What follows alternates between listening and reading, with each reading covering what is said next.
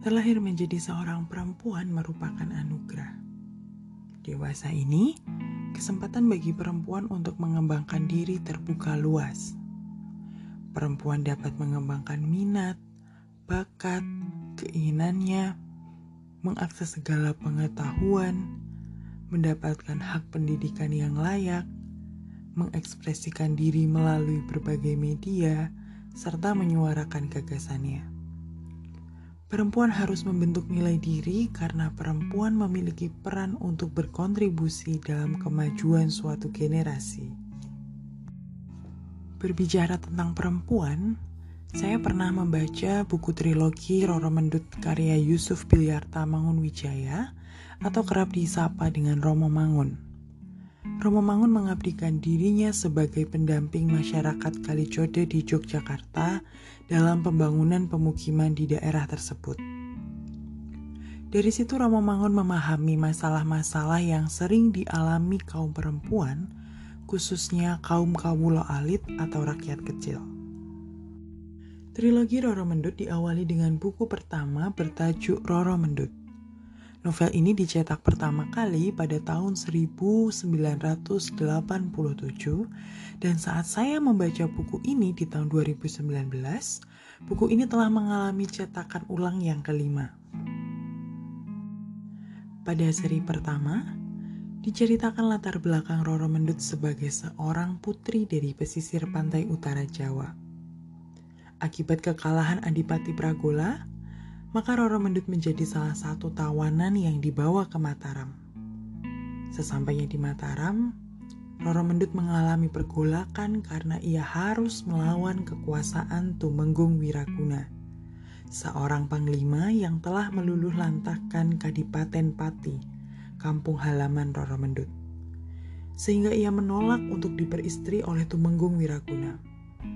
Alasan lainnya, yaitu Tumenggung Wiraguna merupakan sosok yang serakah dan haus akan kekuasaan. Berbagai upaya dilakukan Tumenggung Wiraguna untuk menaklukkan Roro Mendut. Bahkan ia mengajukan permintaan kepada Susuhunan agar perempuan yang dihadiahkan kepadanya adalah Roro Mendut. Segala macam strategi licik untuk mendapatkan perempuan yang diinginkannya telah dilakukan oleh Tumenggung Wiraguna. Namun tetap saja hasilnya Roro Mendut menolak. Roro Mendut menjatuhkan hatinya pada seorang pemuda sederhana dari Pekalongan yang sedang berlabuh ke Mataram. Ia adalah anak dari saudagar batik terkemuka. Pemuda itu bernama Prana Citra.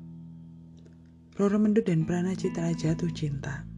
Keduanya tak gentar ketika harus melawan ganasnya kekuasaan Tumenggung Wiraguna. Kekuatan cinta mereka dibuktikan dengan hunusan keris Tumenggung Wiraguna yang merenggut nyawa Roro Mendut dan Prana Citra. Keberanian dan kecerdikan Roro Mendut bisa menjadi teladan bagi kaum perempuan di masa sekarang. Novel Roro Mendut ini menjadi salah satu pilihan yang tepat bagi kawan peternak yang menyukai cerita bergenre feminisme dan sejarah. Kawan peternak juga bisa membaca seri buku kedua yang bertajuk Genduk Duku dan ketiga yang bertajuk Lucy Lindri. Pada novel ini, saya menemukan salah satu kutipan menarik yang akan saya bacakan. Wanita dalam seluruh dirinya memang adalah sang bumi yang menarik segala-gala sampai pun membentur dirinya. Tetapi, bukankah sang bumi, dialah yang menarik batu dan air dan segala barang ke arah dirinya, sampai manusia pun tidak dikecualikan. Hal itu terjadi agar kehidupan semesta berlangsung, membaharui diri, mengejawantah dalam tunas-tunas baru. Selamat membaca dan mengembara. Selamat Hari Kartini kawan peternak. Perempuan berdaya membentuk generasi cerdas dan berbudaya.